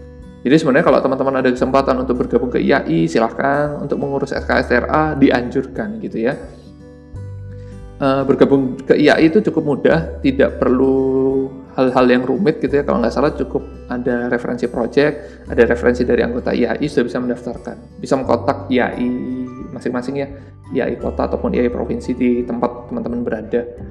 Untuk pengajuan SKSTRA nanti harusnya dibantu lewat sekretariat itu. Saya pribadi udah mengurus SKA uh, eh, dan sebenarnya di, di anggapan saya dulu, alah ribet administrasinya banyak. Ternyata nggak serumit itu juga gitu ya. Kita tinggal konsisten aja menyiapkan, terus kemudian nanti akan disidang, divalidasi, dan akan mendapatkan license. Itu sih rasanya kalau kita mengurus, uh, kita somehow juga memberikan kepercayaan lebih ke klien kalau sebenarnya ini loh kita berlisensi. Mirip-mirip kalau kayak kita nyetir pakai SIM, kita lebih berani bawa penumpang gitu. Uh, dibandingkan nggak punya SIM kita kan was-was ya. Nanti kalau ada ngecek kan gimana membahayakan penumpang juga dan lain sebagainya. Tapi kalau nggak ada stopan kan bisa aja. Ya itu tadi. Sebenarnya kalau nggak dicek sebenarnya ya bisa aja pandangannya nggak perlu. Tapi kalau ada kesempatan sebaiknya di, di uh, urus gitu ya karena sebenarnya sama-sama kita tahu undang-undang arsitek udah ditetapkan, PP-nya juga udah ada, PP nomor 15 tahun 21 kalau nggak salah, itu sudah ada yang mengatur tentang pranata keprofesian arsitektur, mulai dicicil aja sih kalau teman-teman sudah banyak proyek dan lain sebagainya diurus aja. Justru lebih memudahkan kalau kalau sudah punya banyak pengalaman nggak akan dipersulit. Ya, itu yang bisa saya bagikan. Sangat terbatas mungkin ya tapi nanti teman-teman bisa cek lebih dalam ke websitenya IAI itu rasanya untuk menjawab pertanyaan yang sebelumnya. Pertanyaan berikutnya ada nggak sih Pak sikap-sikap mahasiswa yang menjengkelkan atau uh, sebaliknya ya membuat kita sebagai dosen itu cukup puas Oke, okay, uh, eh, sedikit cerita mungkin saya, buat yang belum tahu, adalah dosen di Arsitektur Universitas Kristen Petra. Kalau ditanya sikap mahasiswa apa yang menjengkelkan dan sikap mahasiswa apa yang uh, membuat saya bisa cukup bangga sebagai dosen gitu ya. Dari yang menjengkelkan dulu mungkin ya. Kalau yang menjengkelkan mungkin uh, sikap-sikap mahasiswa yang sebenarnya memilih arsitektur ini sebagai sebuah bentuk keterpaksaan. Mungkin karena disuruh orang tuanya, mungkin karena nggak ada pilihan lain dan lain sebagainya. Itu tercermin somehow gitu ya, mengerjakan itu tidak antusias dan lain sebagainya. Nggak salah juga sih uh, buat yang mau sekedar lulus gitu ya, tapi dalam prosesnya mungkin uh, mengerjakan sesuatu yang tidak kita senangi itu tercermin gitu ya. Uh, diskusinya jadi kurang enak dan lain sebagainya. Mengerjakan tugas juga seadanya. Kita sebagai dosen misalkan sudah antusias untuk membimbing, tapi uh, si anak mengerjakan terbatas dan lain sebagainya. Mungkin itu ya yang agak membuat sedih. Dan memang mungkin juga karena kondisi gitu ya, entah karena dipaksa atau uh, berkuliah itu sebenarnya passionnya nggak di situ dan lain sebagainya. Poinnya juga hati-hati buat teman-teman mungkin saat memilih perkuliahan ya. Mungkin buat yang mendengarkan yang belum berkuliah atau hendak masuk arsitektur, dipastikan dulu apakah arsitektur ini memang minatnya kalian jangan sungkan untuk berdiskusi dengan orang tua kalian kalau memang bukan di sana gitu ya. Daripada udah terlanjur 4 tahun nggak dapat apa-apa kan sayang. Sebaliknya sikap mahasiswa seperti apa yang membuat saya cukup antusias gitu ya adalah uh, keantusiasan mereka itu sendiri.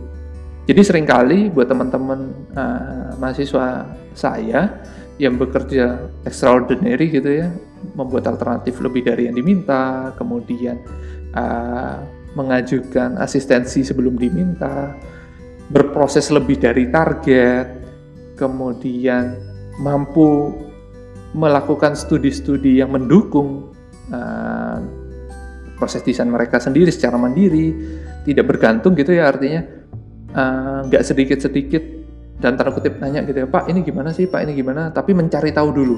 Itu saya yang bisa apresiasi jadi sikap-sikap mahasiswa yang tadi ya yang saya sebutkan yang sangat antusias terhadap desain itu yang membuat kami pengajar juga ikut terbakar semangatnya. Uh, nggak uh, bohong ya kalau kita ada di ekosistem yang uh, bersemangat tentunya kita menjadi bersemangat juga beberapa kali kesempatan itu uh, mungkin kalau sedikit cerita uh, saya lagi gak enak badan terus kemudian uh, padahal waktunya asistensi gitu ya saya paksakan aja asistensi gitu ya. Tapi karena mahasiswanya sangat-sangat semangat rasa sakit atau nggak enak badan itu pun bisa sirna gitu ya. Somehow ya magic. Uh, semangat itu yang rasanya membakar uh, semangat dosen juga sebagai, sebagai pengajar untuk bisa antusias juga. Uh, itu lahir dari kecintaan tentunya terhadap sesuatu yang kita pelajari. Dan itu yang membuat kami kami sebagai dosen cukup berbahagia saat bisa berdiskusi atau berproses dengan mahasiswa-mahasiswa yang sama antusiasnya dengan kami. Itu rasanya untuk sikap-sikap mahasiswa. Pertanyaan lainnya, uh, bagaimana Pak perkuliahan di era pandemi gitu ya?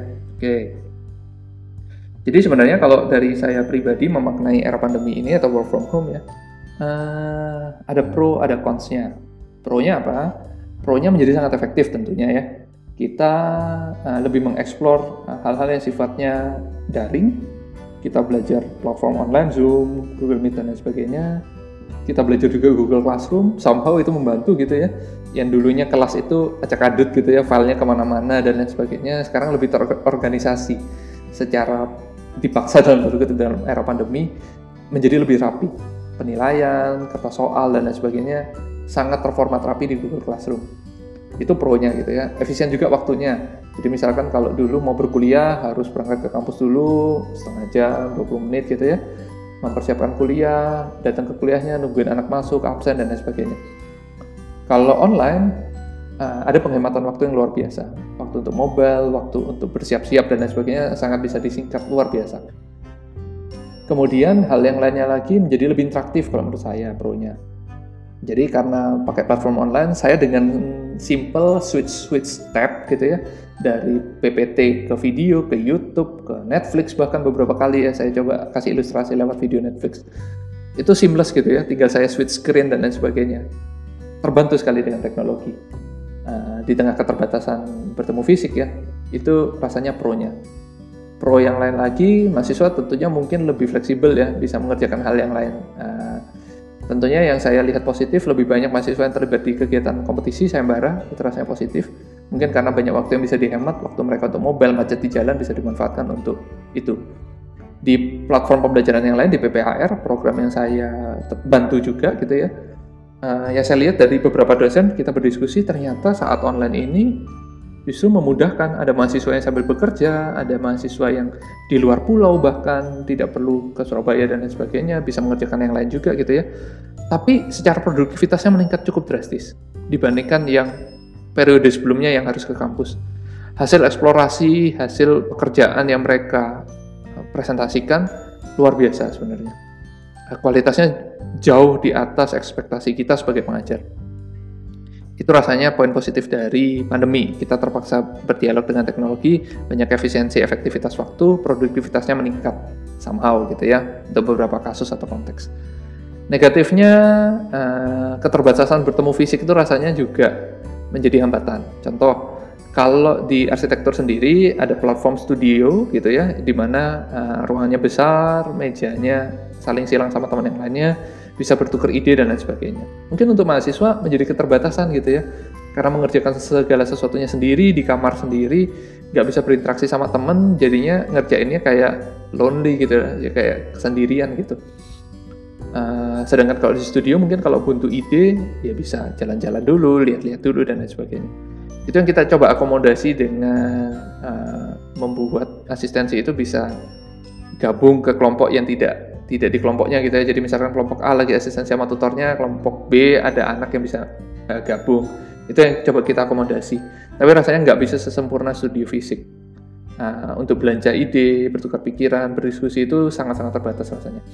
Beberapa teman mahasiswa yang saya tahu, jadi uh, mereka mengerjakan tugas sambil tetap online gitu ya, tetap dinyalain aja Google Meet-nya 24 jam gitu apalagi internet rasanya di setiap rumah mayoritas sudah unlimited juga ya jadi rasanya tidak terhambat untuk bisa mengerjakan tugas sambil ya udah dinyalain aja kameranya jadi masih ada kebersamaannya yaitu mungkin tips dan strategi aja sih tapi nggak bisa mereplace pertemuan fisik rasanya Itu yang untuk negatifnya. Jadi ada pro ada cons. Harapannya nanti di new normal, andai kata sudah mulai masuk lagi offline, hal-hal yang sudah di develop selama online bisa tetap dipertahankan sih rasanya menurut saya. Harapannya itu. Oke, okay, uh, eh, pertanyaan selanjutnya terkait perkuliahan ya. Uh, ada bertanya, uh, ini rasanya klise ya, setiap mahasiswa arsitektur saya mengalami.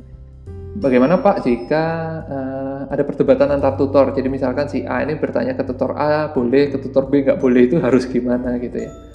Oke, okay, uh, untuk menjawab pertanyaan ini sebenarnya saya mencoba memposisikan diri menjadi mahasiswa dan tutor sekaligus gitu ya. Jadi sebenarnya kalau kita melihat tutor, harapannya tutor ini menjadi partner atau tim. Agak ada pandangan yang menurut saya nggak tepat gitu ya, menempatkan tutor sebagai klien. Somehow betul gitu ya, karena tutor kan ngarahin kita, ngasih guidance kayak klien gitu, ngasih kita guide gitu ya, harus sekian kamarnya dan lain sebagainya. Nah terus kalau tutor sebagai partner, kliennya siapa dong Pak? Kliennya adalah tugas, kertas tugas, soal. Soal itu klien. Jadi soal kan sudah meminta uh, ruangannya butuh ini ini ini, programnya ini ini ini, site-nya di sini dan sebagainya. Itu kayak klien sebenarnya. Tutor adalah partner kita. Kalau sebagai partner apa yang harus dilakukan? Ya, kita mengajak diskusi bukan mencari benar salah. Seperti itu. Jadi um, tutor ini ibaratnya kalau di kantor mungkin kayak prinsipalnya kita juniornya gitu ya ya kita minta arahan kayak gimana Pak desain yang baik dan lain sebagainya. Tentunya di desain di pemahaman saya itu bukan terkait benar atau salah karena sebenarnya alternatifnya cukup banyak gitu ya. Alternatif A, B, C bisa ribuan alternatif saat mengerjakan sebuah soal yang sama. Itu terbukti ya. Soalnya studio cuma satu, mahasiswanya 150, 100 sampai 150. Alternatifnya bisa keluar 100 sampai 150 desain. Artinya apa? Masing-masing punya kalian desain sendiri-sendiri. Kalau diperdebatkan benar salah, mungkin nggak ada selesainya. Nah, terus gimana caranya biar bisa menjawab soal? Soal uh, kita sebagai dosen mencoba uh, menargetkan hasil sesuai sama kurikulum gitu ya. Jadi sebenarnya kalau teman-teman baca soal, rasanya di setiap studio sudah diterapkan gitu ya. Ada yang namanya rubrik penilaian. Rubrik itu bercerita tentang pencapaian kemampuan. Jadi bukan goal desainnya sebagai benar atau salah. Jadi ada skill-skill tertentu yang diharapkan muncul. Jadi contoh misalkan di, di studio sekarang saya berjalan di studio merancang 6 gitu ya, ada indikator tentang uh, kompetensi mahasiswa dapat mengolah uh, bentuk yang berkaitan sama aspek simbolik gitu ya. Kalau teman-teman bisa menunjukkan mau itu bentuknya kotak, lingkaran dan lain sebagainya, selama bisa relate ke uh, aspek simbolik tertentu, ya itu sudah memenuhi kriteria. Jadi akan menjadi belum sesuai saat belum bisa mengkaitkannya dengan simbolik. Bukan berarti desain A salah, desain B benar, tapi desain A sudah menjawab soal atau belum. Pokoknya di sana. Di luar itu tentunya akan ada ya sesuatu yang benar salah tentunya dalam desain terkait peraturan biasanya GSP, KDB, KLB. Uh, ini ada pertanyaan cukup spesifik gitu ya kalau uh, atap itu sebenarnya boleh keluar dari GSP atau tidak. Um, pemahamannya sebenarnya kita sebagai mahasiswa bisa melakukan riset terlebih dulu. Jadi contoh misalkan uh, saya ingin melakukan sesuatu, tapi saya nggak yakin nih. Yang bisa saya lakukan sebagai mahasiswa adalah mencari pendukung. Pendukung ini bisa berupa studi referensi, studi peraturan dan lain sebagainya. Jadi contoh yang untuk GSP sendiri, uh, kalau saya jawab singkat gitu ya instan, ya sebenarnya uh, guidance-nya hal-hal di luar sempadan itu hal-hal yang non struktural jadi selama dia non permanen dan lain sebagainya itu diperbolehkan. Tapi kalau sudah permanen struktural itu harus di dalam sepadan. Jawaban gampangnya kayak gitu. Tapi kalau jawaban umumnya adalah saat teman-teman melakukan studi tentang peraturan, tentunya akan ada guidance yang lebih jelas. Jadi saat berdiskusi dengan tutor bukan ini benar atau salah, Bu ini benar atau salah, tapi tunjukkan hasil pencarian kalian. Pak, Bu, berdasarkan studi yang saya lakukan, ternyata pemahamannya seperti ini yang saya lakukan seperti ini. Bagaimana menurut Bapak Ibu? Seperti itu. Jadi bukan perkara selera ya. Dulu ada pemahaman yang salah juga. Ah, kalau tutor B saya ikut seleranya dia deh gitu. Nggak perlu. Sebenarnya karena soal itu sudah punya capaian, sudah punya rubrik penilaian. Yang teman-teman perlu lakukan adalah stick to itu gitu. Jadi uh, menuhin soalnya aja. Masalah kemudian memenuhi soalnya dengan selera kalian, dengan selera tutor dan lain sebagainya, nggak ada masalah karena tutor pun sudah diarahkan untuk bisa mengecek hasil karya kalian sesuai dengan rubrik yang sudah kita sepakati bersama di awal perkuliahan. Kurang lebih seperti itu. Pertanyaan lainnya adalah uh, berikutnya ya tentang perkuliahan juga. Uh, perlukah sosok arsitek panutan gitu ya saat perkuliahan? Uh, ini pertanyaan dari Eriko ya. Dia bertanya karena dulu disadarkan di semester semester atas kalau uh, ada sosok arsitek ini ini ini gitu ya. Perlukah itu dijadikan panutan gitu? Atau sebenarnya kita berkuliah nggak perlu punya panutan gitu ya? Ya udah jalan aja. Uh, studi referensi umum aja gitu. Menurut saya pribadi uh, perlu atau tidak jawabannya perlu. Kenapa? Gitu ya. Karena kita bekerja atau berkuliah atau menghasilkan karya itu basisnya itu kreativitas gitu ya. Basisnya itu mendesain sesuatu based on pemikiran based on metode tertentu. Kalau kita, punya arsitek panutan itu sama aja kita punya mimpi kita punya goal gitu ya. Kita punya role model. Sebenarnya sama sih uh, kayak ke orang tua gitu ya. Uh, beberapa orang tua bahkan menjadi idola anak-anaknya karena uh, sangat baik mengolah kehidupan gitu ya istilahnya sehingga nggak jarang uh, banyak teman-teman yang kalau ditanya idolanya siapa ya ayahnya ibunya dan sebagainya. Saya pribadi termasuk yang menjadikan ayah saya sebagai salah satu sosok guru gitu ya. Ayah saya dosen juga gitu ya saya mengikuti path karirnya beliau. Um, sama aja gitu ya. Jadi sebenarnya kalau kita nggak punya panutan kita cenderung uh, mudah untuk kehilangan arah gitu istilahnya saat men mencapai sebuah kebingungan kita menjadi eh, bingung harus gimana dan lain sebagainya. Tapi pemahamannya ini ya, panutan ini bukan untuk diidolakan berlebihan. Artinya gini, misalkan saya ngefans sama Andra Matin, apakah semua desain saya harus ke Andra Matin Andra Matinan? Tentu tidak. Panutan di sini adalah dalam rangka untuk memastikan kita itu melakukan studi atau mencari tahu atau punya keentusiasan di sana. Jadi sebenarnya uh, buat teman-teman kalau uh, ini ya uh, ala saya kalau saya nanya ke mahasiswa kamu idolanya siapa? Gitu. Saat dia bisa menjawab dengan gamblang saya bisa punya uh, penilaian tertentu terhadap mahasiswa ini.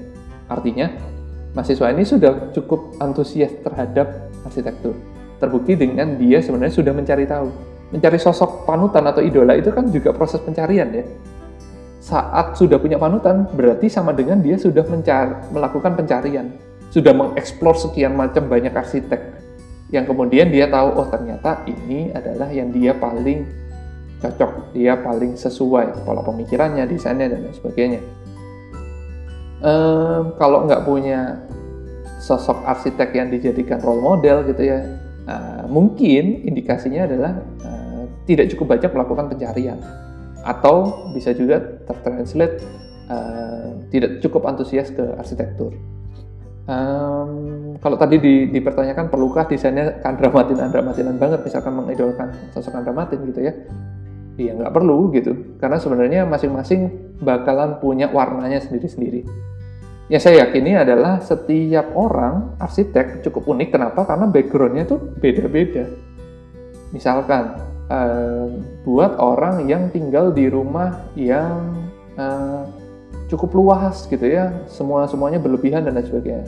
Mungkin dia memaknai ruang uh, akan berbeda dengan orang yang backgroundnya tinggal di rumah yang uh, compact gitu misalkan.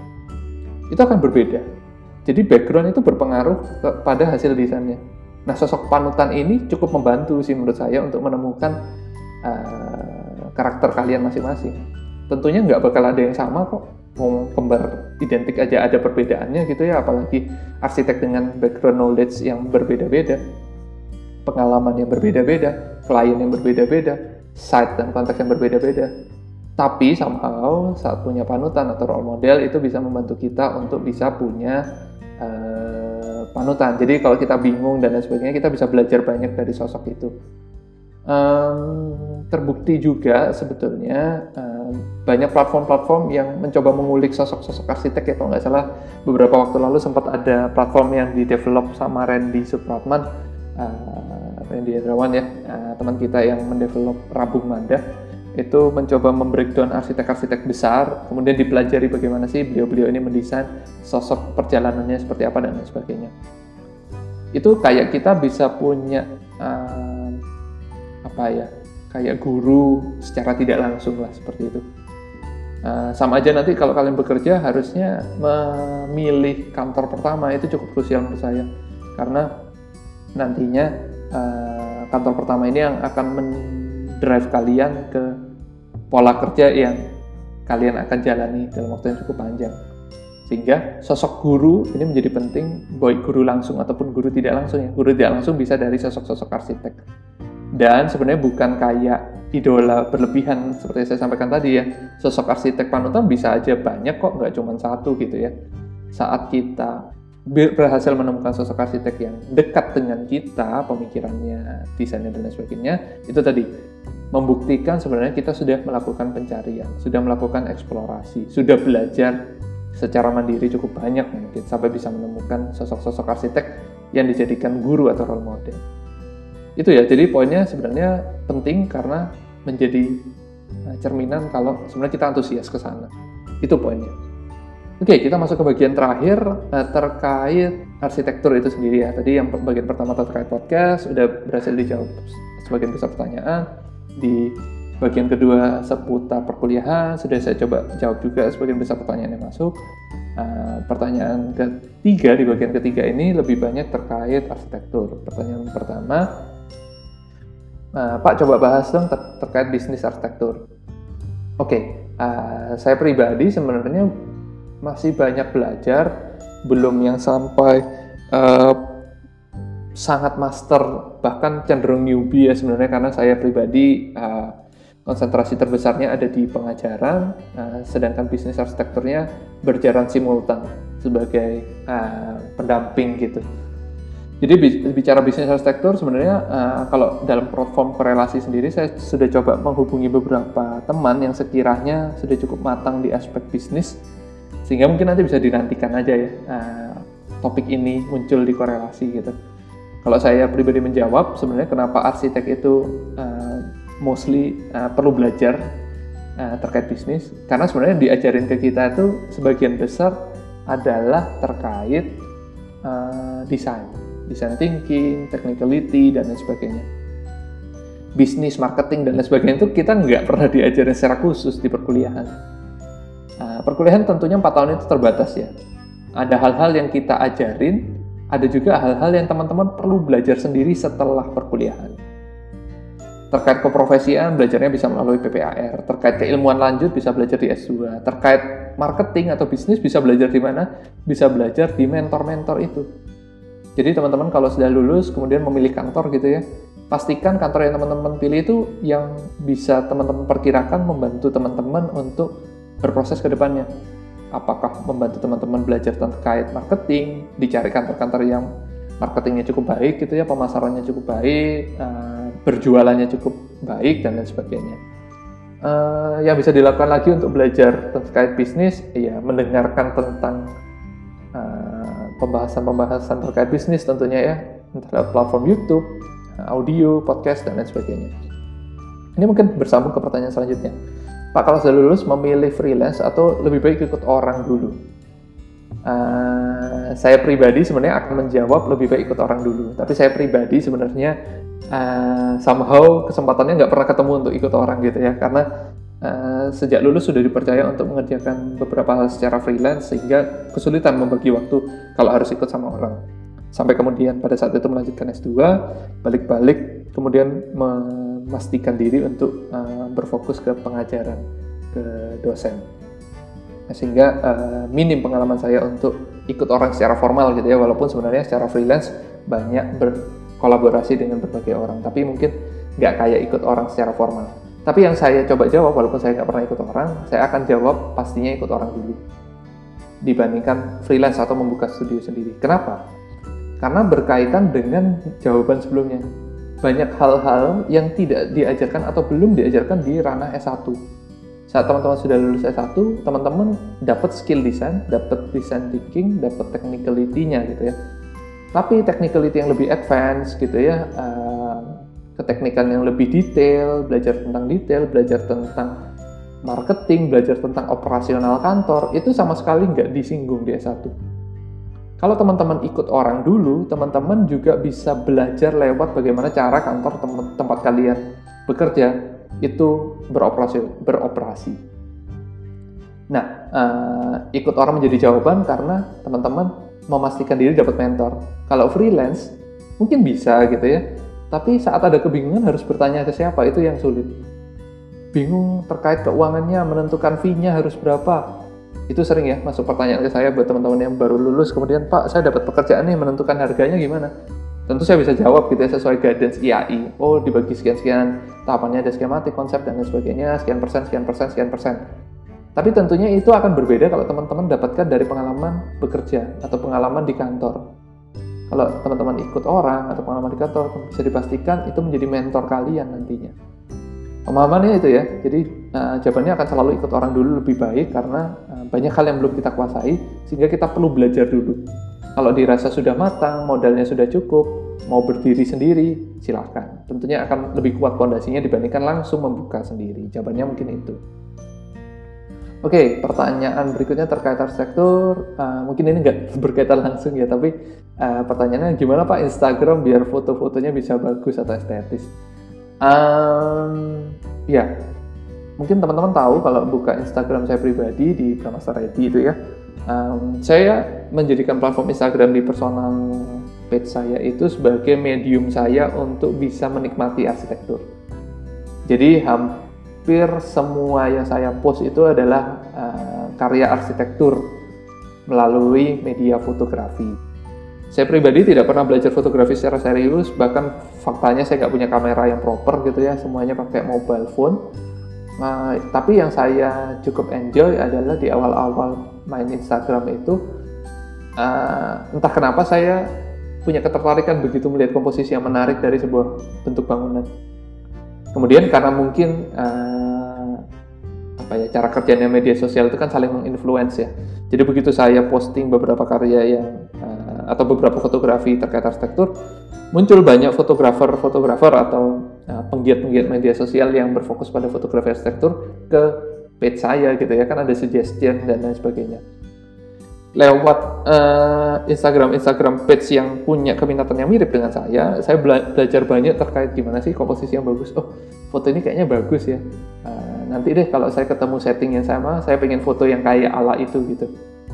Jadi sebenarnya kalau bisa dibilang estetis, Uh, tujuannya karena saya menikmati keindahan arsitektur itu sih. Sehingga saya coba capture dan saya berharap bisa berpengaruh untuk teman-teman lain yang lihat gitu. Teman-teman bisa menikmati keindahan yang sama juga. Um, belajar banyaknya justru dari Instagram-Instagram page yang serupa. Jadi uh, saya banyak explore, banyak lihat-lihat gitu ya. Oh fotografi yang bagus kayak gini, gini, gini.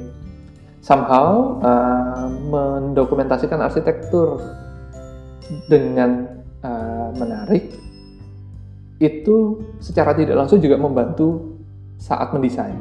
Jadi uh, yang saya pahami adalah kita dapat mendesain sesuatu yang menarik kalau terbiasa melihat sesuatu yang menarik. Kita bisa mendesain sesuatu yang bagus kalau terbiasa melihat yang bagus.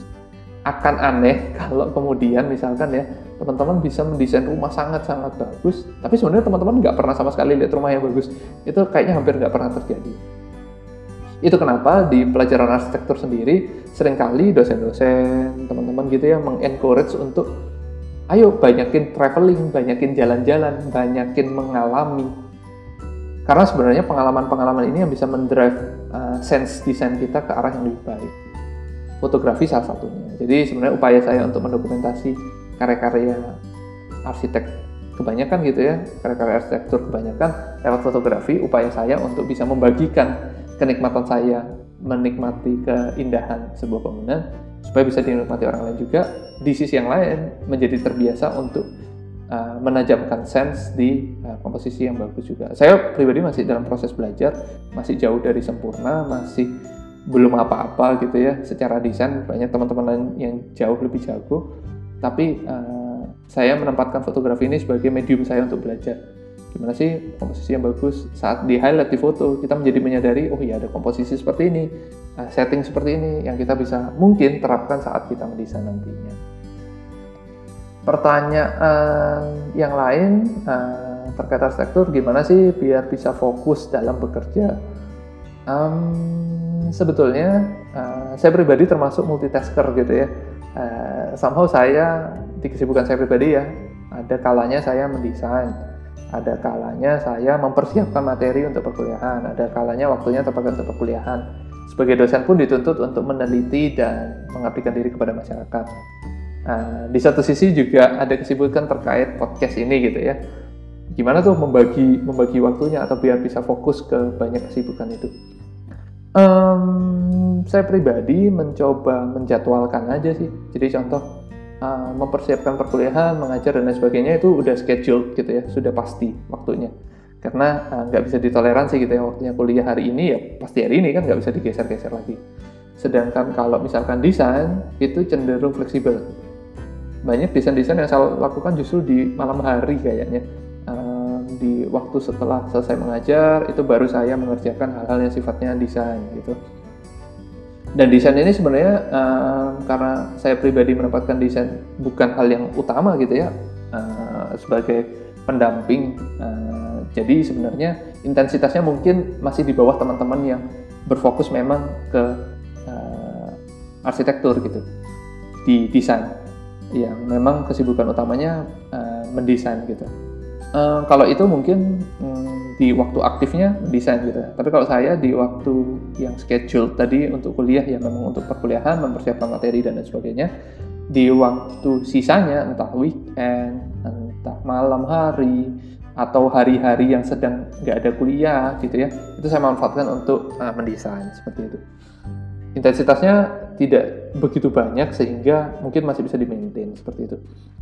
Kemudian kalau untuk podcast sendiri, seperti yang saya ceritakan tadi di bagian pertama gitu ya, karena memang podcast ini uh, saya set supaya nggak terlalu banyak makan waktu, tapi somehow bisa semoga bisa bermanfaat gitu ya. Uh, waktunya tidak terlalu panjang sih, jadi untuk produksi satu episode aja kurang lebih cuma dua dua setengah jam lah. Itu udah termasuk mempersiapkan pertanyaan, bikin cover, take vokal, editing dan sebagainya. Uh, sehingga masih bisa di maintain di sela-sela waktu terkait juga dengan availability narasumber juga kan. Uh, ada narasumber yang bisanya malam ada yang bisanya pagi ada yang bisanya weekend. Ya fleksibel aja untuk podcast. Karena sebenarnya non non non, profit gitu ya sebenarnya uh, podcast ini. Jadi sebenarnya uh, somehow podcast ini saya coba tempatkan sebagai hobi uh, sebagai kegiatan saya di sela-sela waktu yang juga bisa bermanfaat lebih luas gitu jadi pembagian waktu ala saya seperti itu di, di, di kesibukan saya. Untuk fokus ya karena membagi waktunya sudah uh, jelas gitu ya. Jadi begitu waktunya memang untuk podcast ya udah nggak bakal sambil ngerjain desain atau sambil berkuliah gitu ya. Saat perkuliahan juga sama, saya juga nggak mungkin sambil ngedesain gitu. Saat mendesain juga sama, pasti di luar waktu perkuliahan dan sebagainya. Fokusnya karena membagi uh, waktu uh, dengan jelas satu, kedua ya berfokus pada hasilnya aja. Jadi contoh untuk perkuliahan, oh akan mempersiapkan materi untuk satu semester misalkan. Ya udah, di target pokoknya selama satu minggu ini bisa menghasilkan ini gitu. Desain juga sama. Oh, jadi 3D untuk hari ini, jadi gambar kerja untuk hari ini. Ya udah, dipaksa aja untuk bisa jadi itu. Dengan memaksa seperti itu, kita menemukan cara-cara yang lebih efektif untuk bisa mencapai goal itu. Sama halnya dengan podcast, saya pribadi termasuk yang males. Nah, kalau panjang-panjang gitu ya seperti yang saya sampaikan tadi seefektif mungkin sesederhana mungkin uh, formatnya uh, metodenya gitu ya. Jadi bisa tetap continuous bisa tetap fokus gitu ya karena tidak rumit sebenarnya. Hanya perlu konsisten saja. Saya juga masih banyak belajar rasanya uh, belum yang sangat perfect membagi waktu. Uh, rasanya uh, selama kita bisa konsisten selama kita tahu goalnya apa uh, dan kita mengalokasikan waktu dengan baik, uh, rasanya bisa bisa terfokus deh. Harapannya seperti itu. Lebih itu untuk bagian yang ketiga terkait arsitektur. Uh, kita sudah melalui tiga bagian dari yang pertama tadi tentang podcast, yang kedua tentang perkuliahan karena saya sebagai dosen gitu ya, dan yang ketiga terkait arsitektur sudah saya coba jawab semua. Terima kasih untuk rekan-rekan yang sudah membagikan pertanyaannya, sudah kepo gitu ya bertanya ke platform ini Semoga episode ke-50 ini menjadi episode yang menjadi apa ya istilahnya checkpoint gitu ya. Kita udah sampai di episode 50, semoga bisa survive, semoga bisa bertahan terus ke episode-episode berikutnya. Uh, ini pribadi menjadi penanda buat saya sehingga episode 50 ini saya buat beda gitu ya. Gak ada teman ngobrol tapi lebih ke Q&A. Mungkin juga banyak teman-teman yang bertanya, Pak Reddy kapan Pak giliran diwawancara gitu ya Nah, saya coba akomodasi dengan format Q&A seperti ini. Jadi saya membagikan pemikiran saya lewat beberapa pertanyaan yang sudah masuk. Mungkin next time akan ada lagi format Q&A seperti ini. Jadi mungkin teman-teman yang pertanyaannya belum terjawab atau ingin mengajukan pertanyaan yang selanjutnya, mungkin nanti saya buka uh, format serupa gitu ya. Teman-teman bisa menyampaikan pertanyaan, kita bisa berdiskusi cukup intens lewat uh, sebuah episode gitu ya di episode berikut-berikutnya akan kembali seperti biasa gitu ya. Saya akan mencoba mengajak narasumber untuk ngobrol uh, terkait topik-topik tertentu yang semoga bisa bermanfaat untuk teman-teman, menambah wawasan dan lain sebagainya. Itu aja dari episode kita ke-50 kali ini. Semoga bermanfaat. Kita ketemu lagi di episode berikutnya yang lain. Terima kasih, sehat selalu.